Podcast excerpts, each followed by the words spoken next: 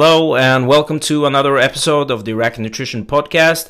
As always, I'm your host, Juma Iraki. Before we start today's episode, I just want to mention that this podcast is available on YouTube, but you can also find it on SoundCloud, Stitcher, and iTunes as well. I also want to mention that please check us out on Instagram, where we frequently do infographics on topics related to training, nutrition, and supplementation. So definitely give us a follow and check that out. So today's guest, the man, the myth, the legend, mm. Mr. Broderick Chavez, back on the show for this is the third time I think we've done a podcast together. Third or fourth for sure, yeah. Yeah, definitely. So very popular guest on the show. Frequently get asked to to bring you back. So first off, how are you doing today?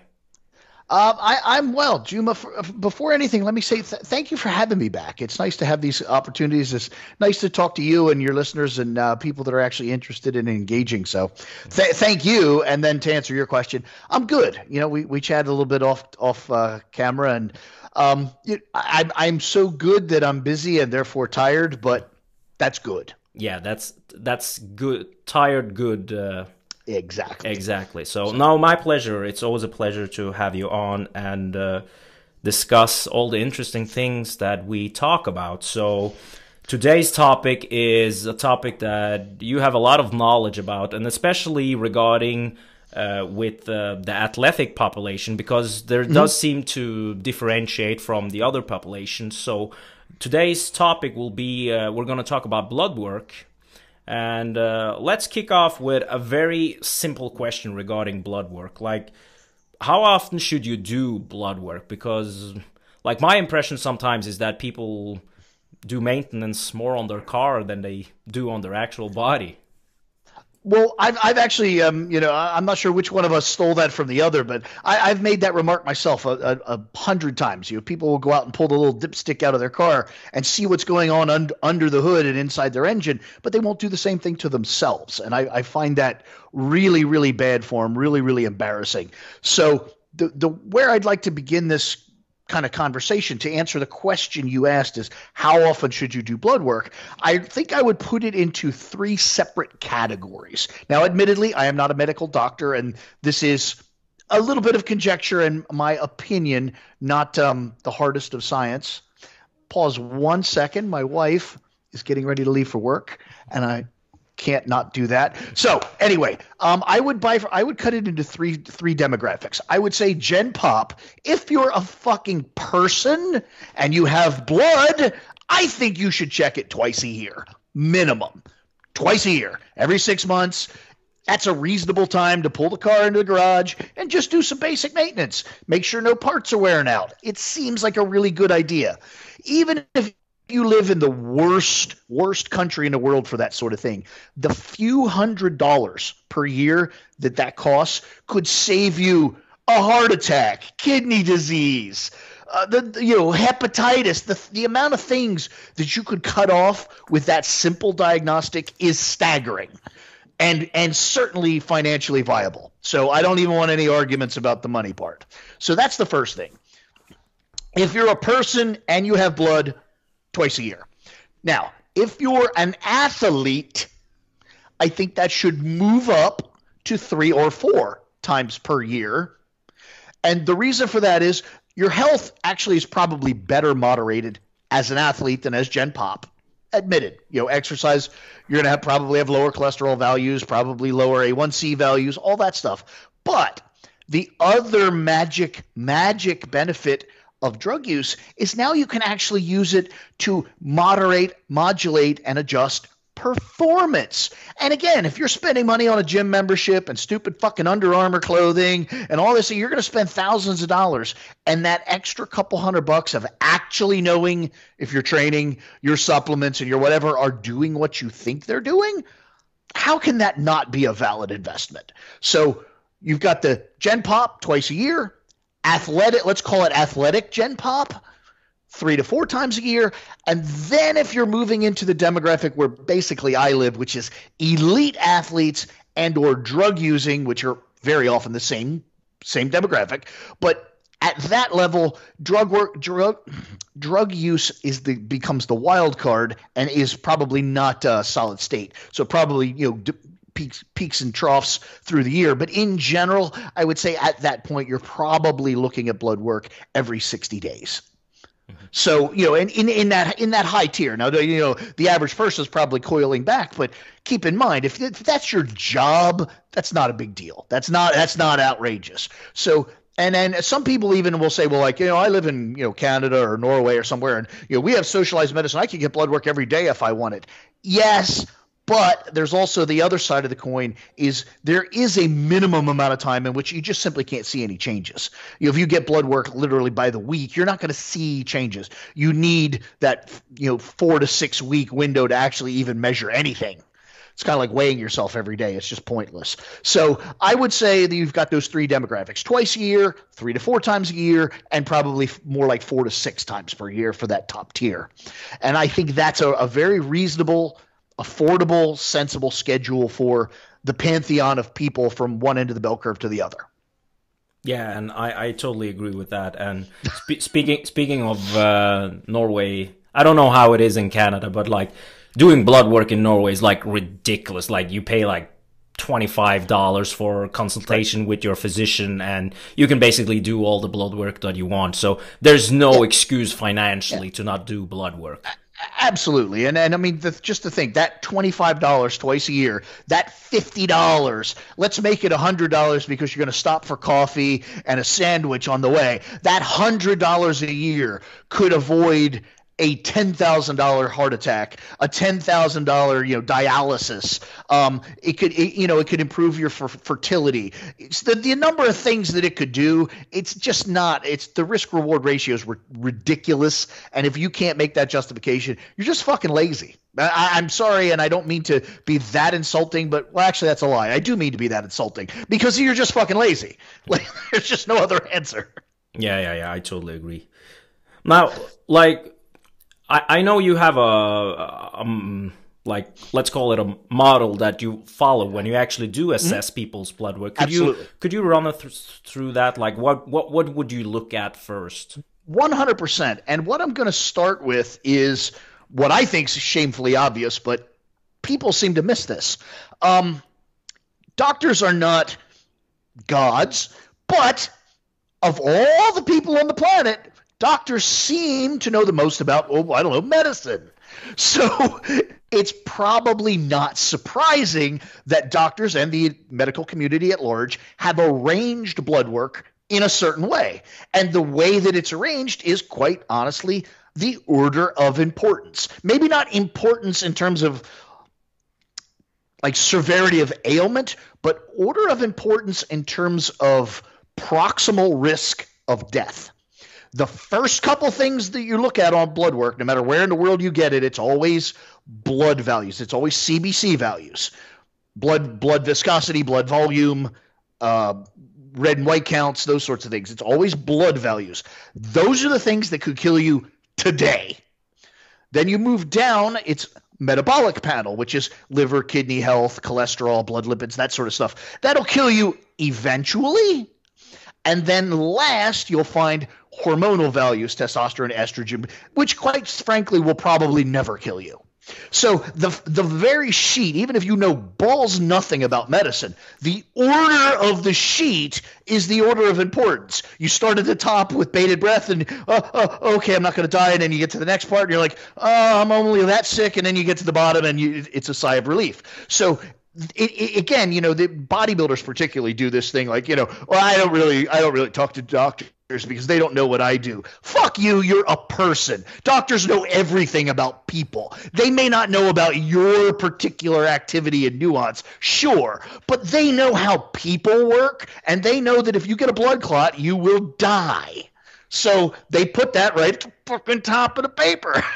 so with that, that that's pretty much my my methodology. And admittedly, keep in mind when I say anything I say, I'm usually, uh, you know, vocationally working over in that third demographic, which is elite athletes plus drug use, sports drugs. So the severity of things tends to be a bit more extreme.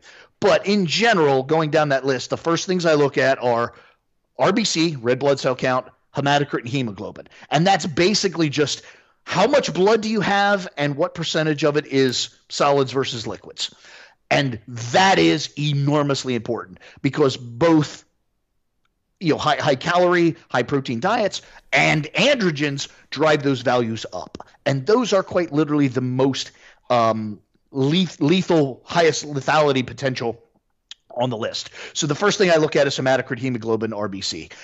Is and again, there's also a problem with the demographic I deal with.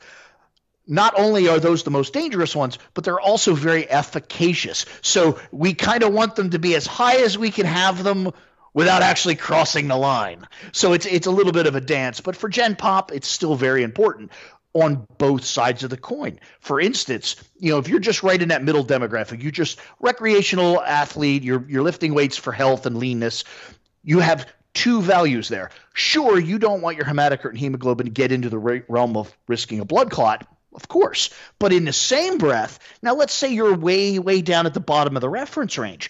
Now you're absolutely and positively operating in suboptimal zones.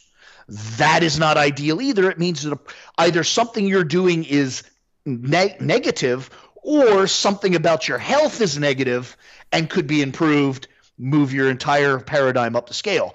So that's the order I would look at is blood values. Obviously, white count is um, even if you don't know much about medicine, you should know that your white count is a reference to your immune system. So elevated white count would mean you are in some way dealing with you know, bacterial or viral infections. That's not good. Pretty straightforward. So again, I, I I mean I don't mean to brag, and I've said it before. I'm not a doctor. Don't take credit for being one. I have the highest respect for doctors, but I have had clients come to me with flagging performance we do blood work. And i've actually circled things. I'm like you need to go see your doctor and find out what that's about. And lo and behold i've found people i've basically identified people that have been walking the streets with various variants of hepatitis and not known it. And if they if i hadn't pressed them to get blood work they probably would have walked that to the fucking grave.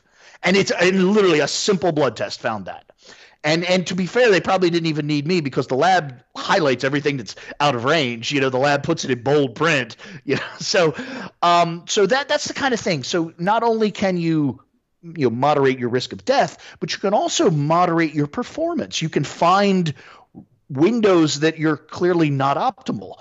So you know, low side of the blood volumes, you're not going to perform well. You're not going to carry enough oxygen. You're not going to oxidize you know, that's what burning fat is, boys and girls, is oxidation. So if you, you lack the capacity to carry oxygen, you probably lack the capacity to burn some fucking fat. So that's pretty obvious. Then we move down the panel into the metabolic stuff.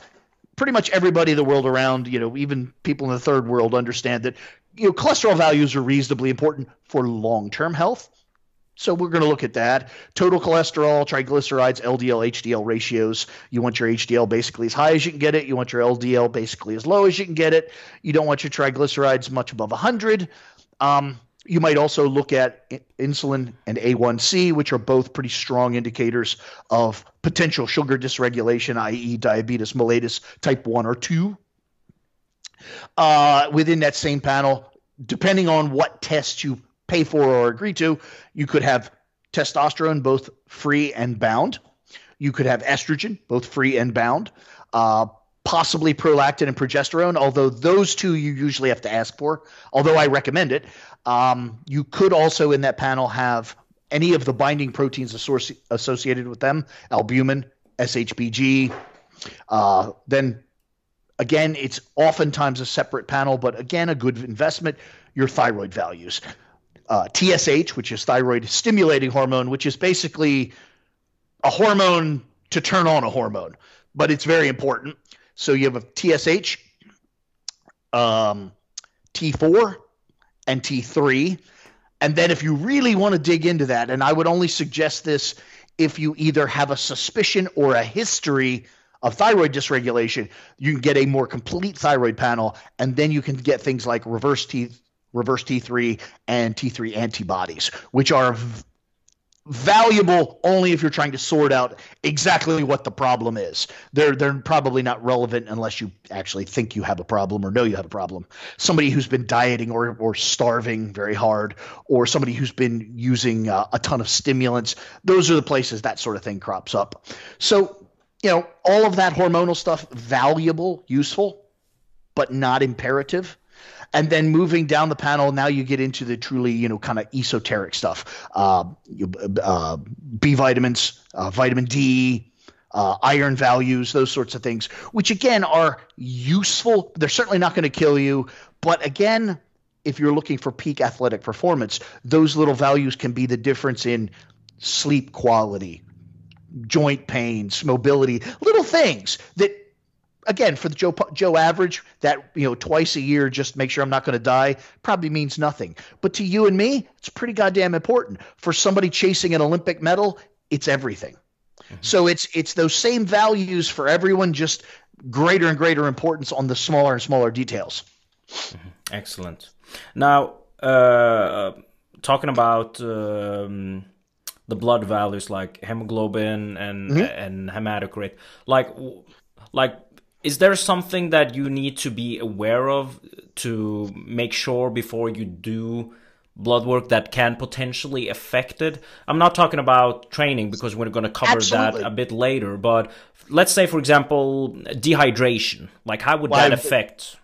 That is absolutely the first thing I was going to tackle. And it's again, I don't want to sound like your grandmother, nor do I sound want to sound like I'm being completely condescending. But hey, asshole, it's never a good idea to be dehydrated ever. It's just not a good plan. So it's an even worse plan to de- you know be dehydrated before you're going to take a diagnostic. You know, it's like you know when's a good time to check your oil after a car accident?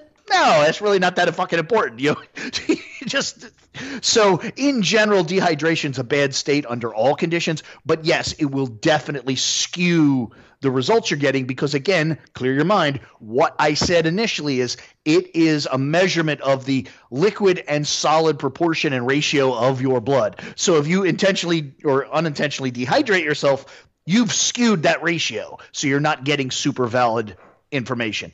Um, knowing that you were dehydrated, you can kind of handicap the number, but water is not expensive, folks. I mean, unless you fucking live in the Mojave, like water is just not that goddamn expensive. Just dr- drink the stuff. Like if you want to put coffee in it, fine, but just, just drink, drink, a little bit. Um, so yes. yeah, they, especially if you put coffee in it. Yeah, absolutely. And it's yeah. delicious. Yeah. And it's fuck, it's amazing. Uh, by the way, just com- completely off point, I was in your country. God damn, does Norway enjoy some nice coffee? You guys literally, on average, I don't want to say the best cup of coffee I've ever had it was in Norway because maybe it wasn't, but on average, you could stop at any bullshit corner store and get an amazing delicious, exciting cup of coffee. You guys have it good. I just want you to know that. Yeah, I, I think I think Norway is actually one of the countries in the world where where we consume the most amount of coffee. So I, really... you know what I I, I think I I think I actually read that Norway and Denmark per mm-hmm. capita actually consume the most coffee, which is awesome. Mm-hmm. Yeah, yeah, so absolutely. Yeah.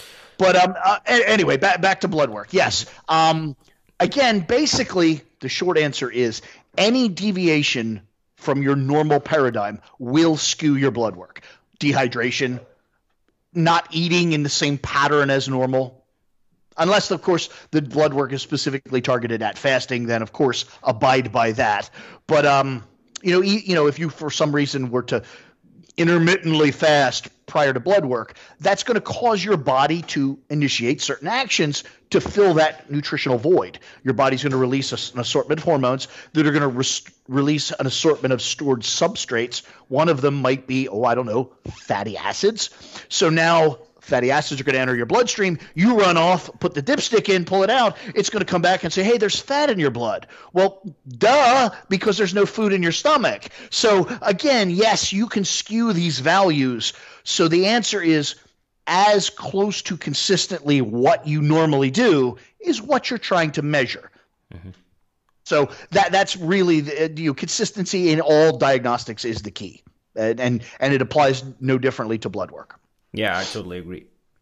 Uh, another thing that I wanted to touch on is like when, when you do the, the calculations of um, free testosterone, you use the values of serum testosterone and then you um, you also calculate in the sexual hormone binding globulin. So let's say in a case where someone has like we have an obese person that might mm. be um, pre-diabetic and you you present the results where you actually see that the serum testosterone is low, but but usually uh, not off range. It's yeah. usually low end of normal. That's low, key. Low end of normal, and then you also see that uh, sexual hormone binding globulin is low. So you end up with having, uh, in some cases, normal uh, free testosterone, and in some cases even a high free testosterone.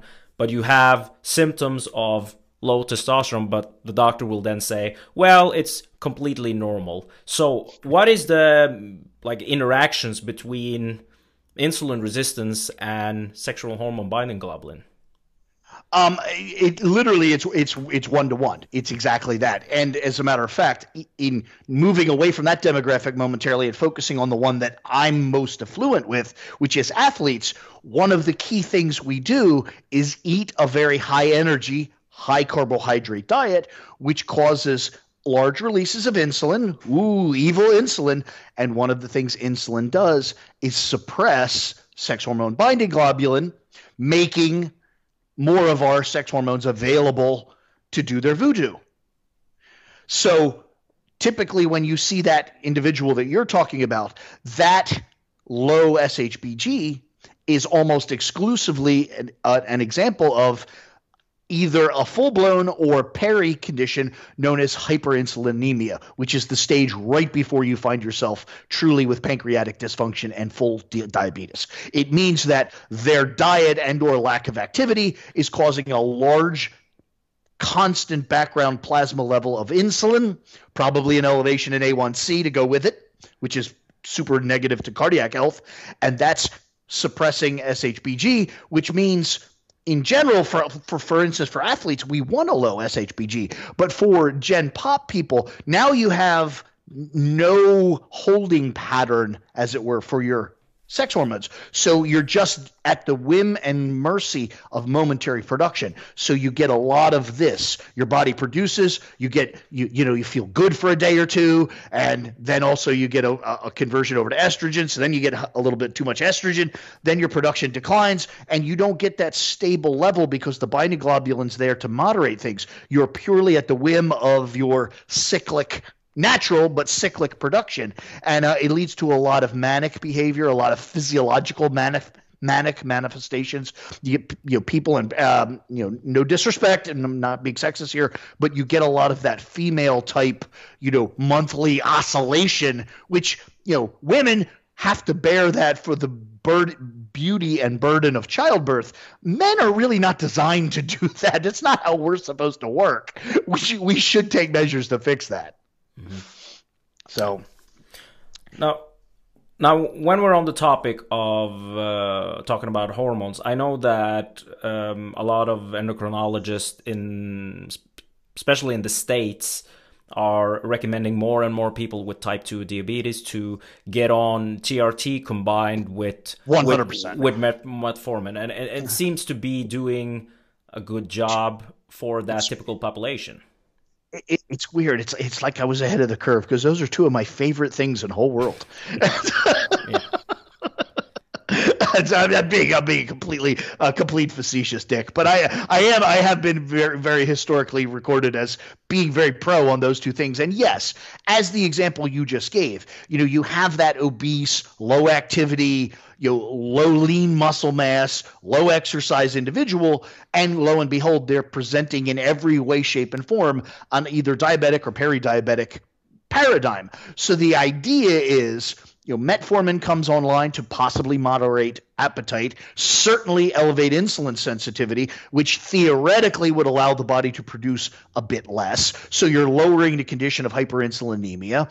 You're possibly moderating appetite, which could go additional layers toward moderating the production of insulin and certainly, you know, a, a greater escalation of body weight. And then you're introducing the key major male sex hormone androgen, testosterone, and that tends to to, to step outside of medical lingo light a fire under people's ass and gets them up off the sofa and walking around. So now you have a condition where people are actually interested in activity. Their diet is mildly moderated. Their blood sugar is mildly moderated. God forbid they, you know, they get an erection and actually start thinking about women or men or whatever the fuck they think about. So like it's one of those snowball type things. You see, like it all begins with putting down the remote control and getting off the fucking sofa, and then the beauty can ensue. So it, it, it sounds like I'm being incredibly condescending, but it, it's only because I am. Because it, it that's what happens is these people get themselves into such a condition that even if they momentarily had a, a fleeting thought of, oh, I should do some activity, they just don't have the fuel. They just don't have the horsepower. So introducing that layer of TRT kind of artif- well not kind of blatantly artificially gives them a little bit of that horsepower so now it just takes a little bit of volition they can engage the machinery, and then the snowball starts rolling down the hill. And even if they become TRT dependent for life, at least they're active, at least they're, you know, having sex, at least they're doing some of the core things that lead to at least enjoying your life, if not living a longer one. Absolutely. now I, I I know it's a bit off topic, but um, since we're on the topic of metformin, um, yeah I think it's the first drug in the world that's actually been for people that don't know what metformin is. It's a it's a, a drug that's primarily used for for for diabetes patients. Yes. Um, but it's kind uh, of your first first line of defense against diabetes, yeah. and it's a very old drug, by the way. Yeah, I think it's from is it 40s or 50s? Late 40s, early 50s. Yeah. Yeah. Uh, and it's actually the first drug in the world that's been clinically approved now for human trials looking at anti-aging. per, yeah. Yep, 100%. Yeah. They're actually finding that it's one of the few drugs that even helps healthy people. Yeah. Which is amazing yeah. because almost no drug meets that bill. Like you know, if you don't, if you're not sick, penicillin changed the world. Penicillin, you know, made the world an entirely different place added a decade to everyone's lifespan. But if you're not sick, penicillin's useless. It's actually negative. Mm-hmm. There's almost no drugs that in a healthy condition can make you healthier. Metformin is probably the only exception to that. It's yeah. literally there's not a person walking this planet that won't get better insulin sensitivity when using metformin, and there's almost no people on this planet that can't get a little bit of benefit out of having better insulin sensitivity. Yeah. So it, it's a it's a truly a, um, an amazing drug, it's going through quite a renaissance. And I hope, I hope, please, if you're out there, if you're a pharmaceutical engineer, I hope that you people will actually put a little time, money, and effort into making a good thing even fucking better. I am a big fan of what you do. So go to work, put your little thinking caps on, and take what we have that's already amazing and make it 21st century. Yeah. So, anyway, for what that's it, it's it's it's actually I think it's actually one of the the drugs that's are that are um, is looked at as essential drugs. Yes, yeah. it is a World Health. It's one of the 50 World Health mm. essential mm. drugs. They have a list of 50 medications that they, you know, make sure that there is sufficient ample production of, and they kind of uh, moderate all that and keep the price down and all that. And yes, metformin is one of them. Yeah. Yep. And it's funny how they actually discovered how it possibly could have these uh, anti-aging uh, properties because I think it started with rats. They started with the rats and then they saw shit these rats are living much longer than the other rats and then they saw the same thing with uh, diabetes patients with which yep. was taking the drugs they just lived longer Yep. They, they, actually that that research kind of came came apart and then came back together. It's it's actually really really interesting. My buddy uh, Lyle McDonald will talk about this for fucking ever. Uh, but, but, believe me, I've been cornered and un, unable to escape and just had to endure it. and it's a pleasure. He's a genius. But um, uh, both exactly what you're saying. The standard clinical trials on rats, they found a side effect that the metformin uh, administered rats did in fact have longer lifespans. In some cases, significantly longer. But then, secondly, there was a whole separate uh, track on that where they actually started using metformin in a treatment of PCOS mm-hmm. to reduce. Um, uh, uh, unintended tissue growth, you know, tumors, cysts, etc. And what they actually found is not only does it improve longevity, but it seems to reduce aberrant tissue growth. And now there's an entirely new field where they're thinking it might have deep validity in anti-cancer treatment. Mm-hmm. Yeah. So so you know it, it, it bifurcated for, for a reason, but it's come back to the short answer is who doesn't need to live longer and who doesn't need less cancers. So it's it's a pretty good deal. Yeah, it's it's it's it's amazing. It's uh, like I've seen research on cancer, I've seen research on cardiovascular disease, diabetes. Yeah. So and, and uh, funny you mentioned this with uh, with the PCOS because that's actually a population that do struggle with um, reduced insulin sensitivity. Certainly not a coincidence, I would say. So, certainly not a coincidence. yeah. All right, so we, we talked about some things that might affect the um, the blood work that you do, like the dehydration, for example. But uh, one of the problematic scenarios is like doctors usually deal with with sick people, and when they 100%. suddenly have um, the athletic populations that do train and maybe eat enormous amount of foods and stuff like mm-hmm. that, how can that potentially affect blood work? Maybe if you have some examples of some parameters that might be be affected? Yeah.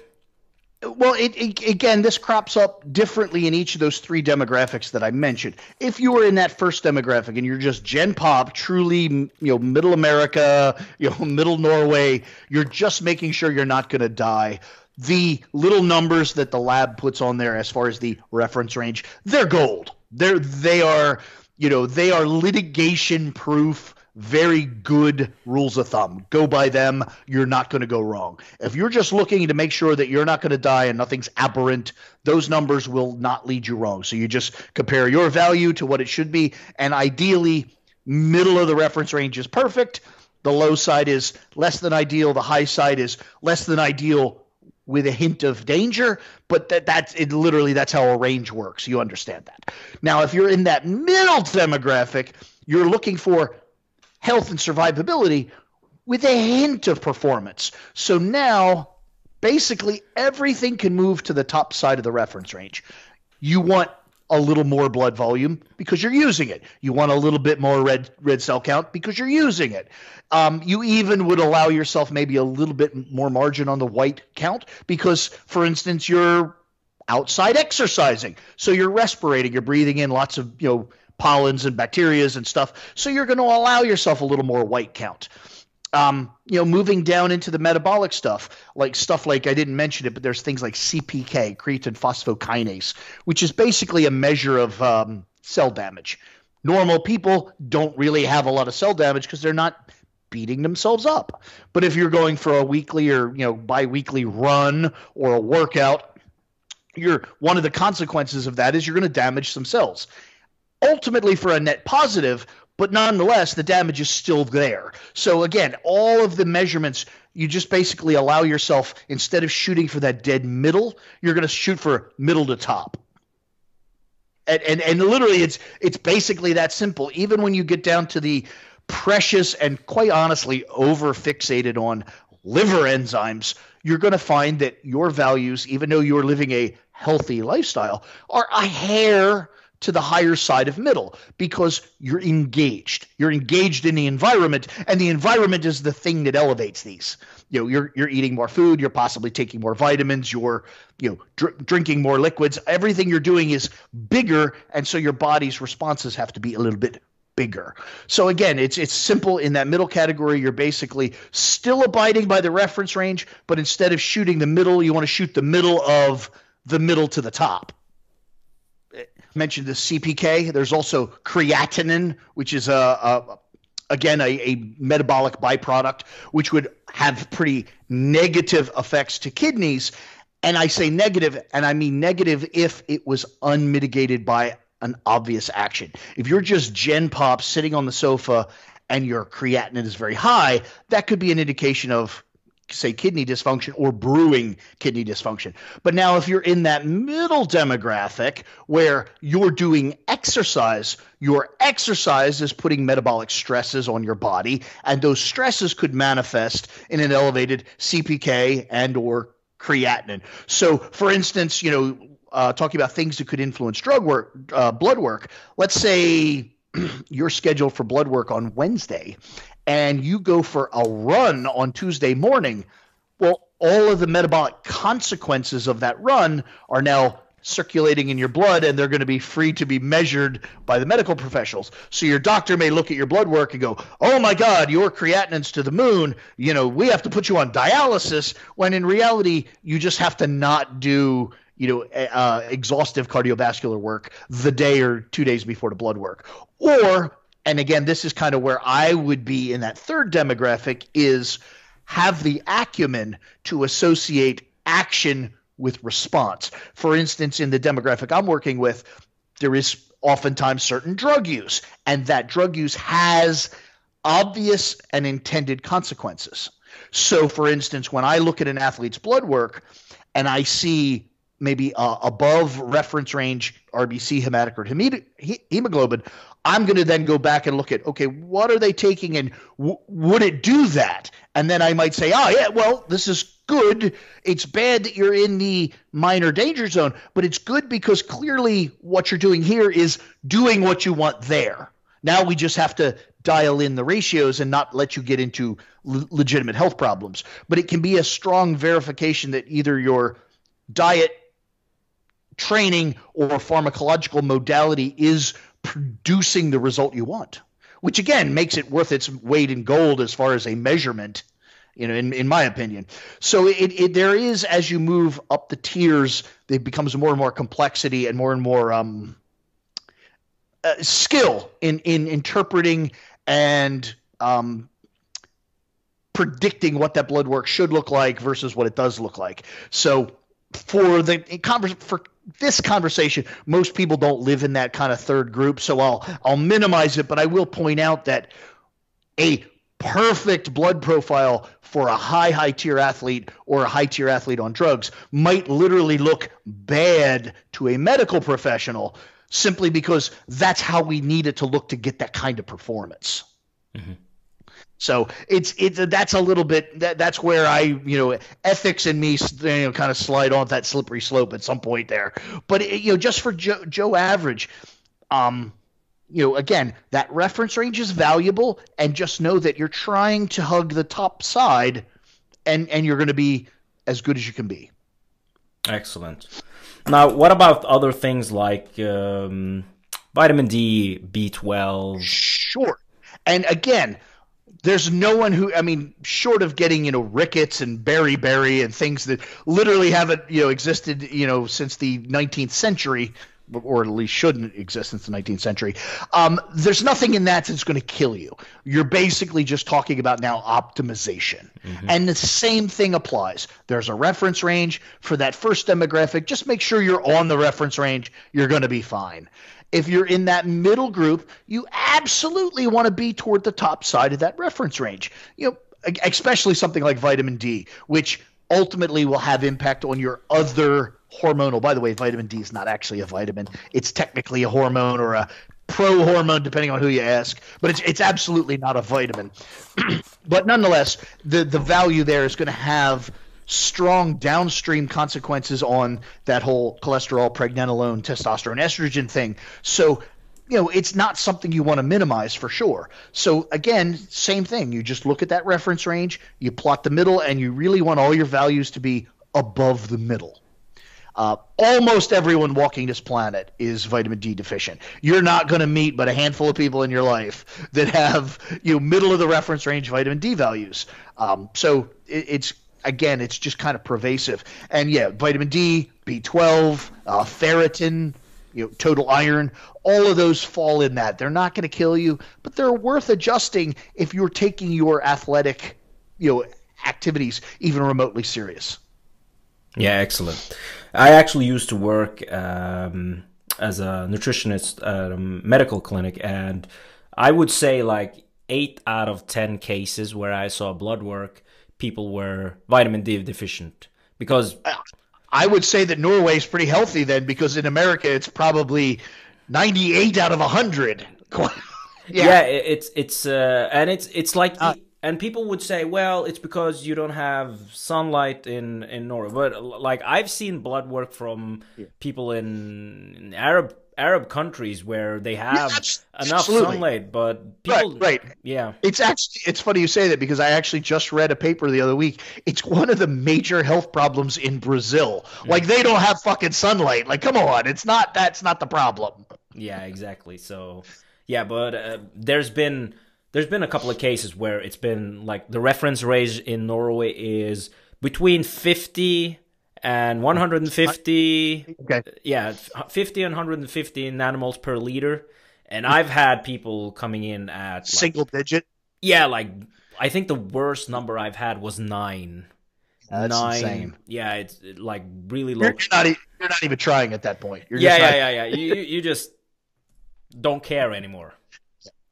Yeah, and I mean, you know, th- yes, the sun is a great modality of generating vitamin D, but there's other uh, there's other options. There are literally other options. There's green vegetables, there's salmon. There are other options and apparently people just aren't trying very hard at all. Yeah, exactly. And again, one of the reasons why you should do frequent blood work. So so if you if you want to summarize this podcast with a take home message, what would you what would you say, Broderick?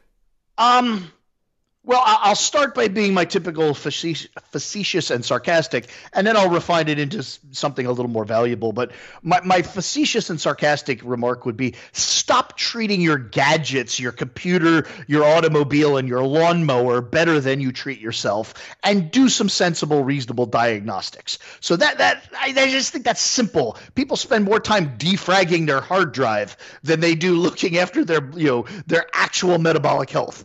that's just terrible. It's embarrassing. So that aside, the next thing I would say is I would talk to that middle demographic, that you know maybe not exactly middle America, but you're you're the, you're the people that are go, willing to invest a few dollars and a few hours into making yourself look better, feel better, perform better.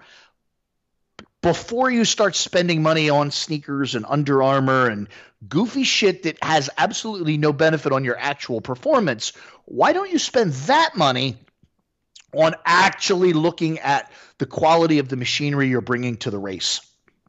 Actually invest that first $200 in a heart scan, in a blood test, you know, in maybe some orthopedic testing, and make sure that nothing is wrong. It's kind of like the equivalent, I think, of is showing up. You know, you're going to be that weekend warrior and show up on the weekend with a bicycle to race in a bicycle race, and you didn't take the time to make sure the wheels aren't going to fall the fuck off. Like that's just not smart or or safe. It's just not safe. So spend that little bit of time and money. I guarantee you, most of you will find it. Ah, there was nothing wrong. See, I wasted my money. But for that one asshole that finds out, oh my God, I, I, I saved my life, it was all worth it. It was worth it to all of us that you found that out. So I think that's how it works. And I think that's how it's supposed to work. Yeah, I totally agree, and I, I think it's really important to to to, to stress the, the thing that people usually just do blood work when they're sick instead of like to find out why they're sick, not if they're sick. There's a big difference there. You know, yeah, of course, if you're sick, you need blood work so the doctors can administer whatever emergency room treatment you need, obviously. Mm-hmm. But there's also that possibility that you could have caught that before it happened. Mm-hmm. Like that that's that's the whole idea there. Preventative medicine. Exactly. Exactly. All right, Broderick. Once again, thank you so much for your time. It's been great having you on talking about blood work. Where can where can people find more information about you? Um. Well, I boy, you, you know what, Juma, you're really killing me. I am so bad at self promotion, but I have to do this. Um, I have a website, uh, www.teamevilgsp. I'm also on Facebook, Instagram, Twitter, all that stuff at exactly the same address, Team Evil GSP. Uh, I got some really good advice early on. All my social media stuff and anything to do with me is under that nomenclature. So if you just search that, you'll find it. And I have recently probably not super relevant to your demographic, but maybe a little. I have recently started a uh, members only portion on my website where we talk about some very advanced athletic topics, advanced training, nutrition, and some of that third demographic over there where I live, that stuff that's not not nearly so popular with uh, everyone around the world. But you could certainly, even if you're not a uh, you know Olympic caliber athlete or a drug using athlete, you could certainly still find some very valuable and beneficial information. And it's just always good to know where that resource lies. If you ever need it, here I am, Team Evil GSP, and um, everything that is kind of middle of the road is free, and that high tier stuff is nine ninety nine US dollars per month. Excellent. Once again, Broderick, thank you so much for your time. It's been a pleasure to have you on, and don't be surprised if I ask you again to come on. I, you know what? I would love that. Uh, there's so many other cool things we could talk about, and um, I will say this to both to you and to your audience: every time I'm on your podcast, the inquiries, the questions, the responses I get are intelligent, interesting, engaged. Um, it's an entirely different demographic than almost everything else I do, and it's the reason why I never hesitate to say yes because it, it's just a great time, and I appreciate it, and I appreciate that you are you know feeding those people, and you have that uh, that ability. It's it's huge. I, I really do appreciate it. Well, thank you. I appreciate the the feedback. Like I usually say, we're I think we're th- twelve thousand five hundred muscleheads on the the channel now, and they seem to and they seem to enjoy the um, the recent topics that we've talked about. It's been more Excellent. muscle hypertrophy, bodybuilding, fitness related. So Excellent. so yeah, we'll continue doing these kind of episodes. So so yeah. All right, Broderick. Once again, thank you so much for your time, and hopefully we'll speak soon again. Beautiful. Thank you. All right. Bye bye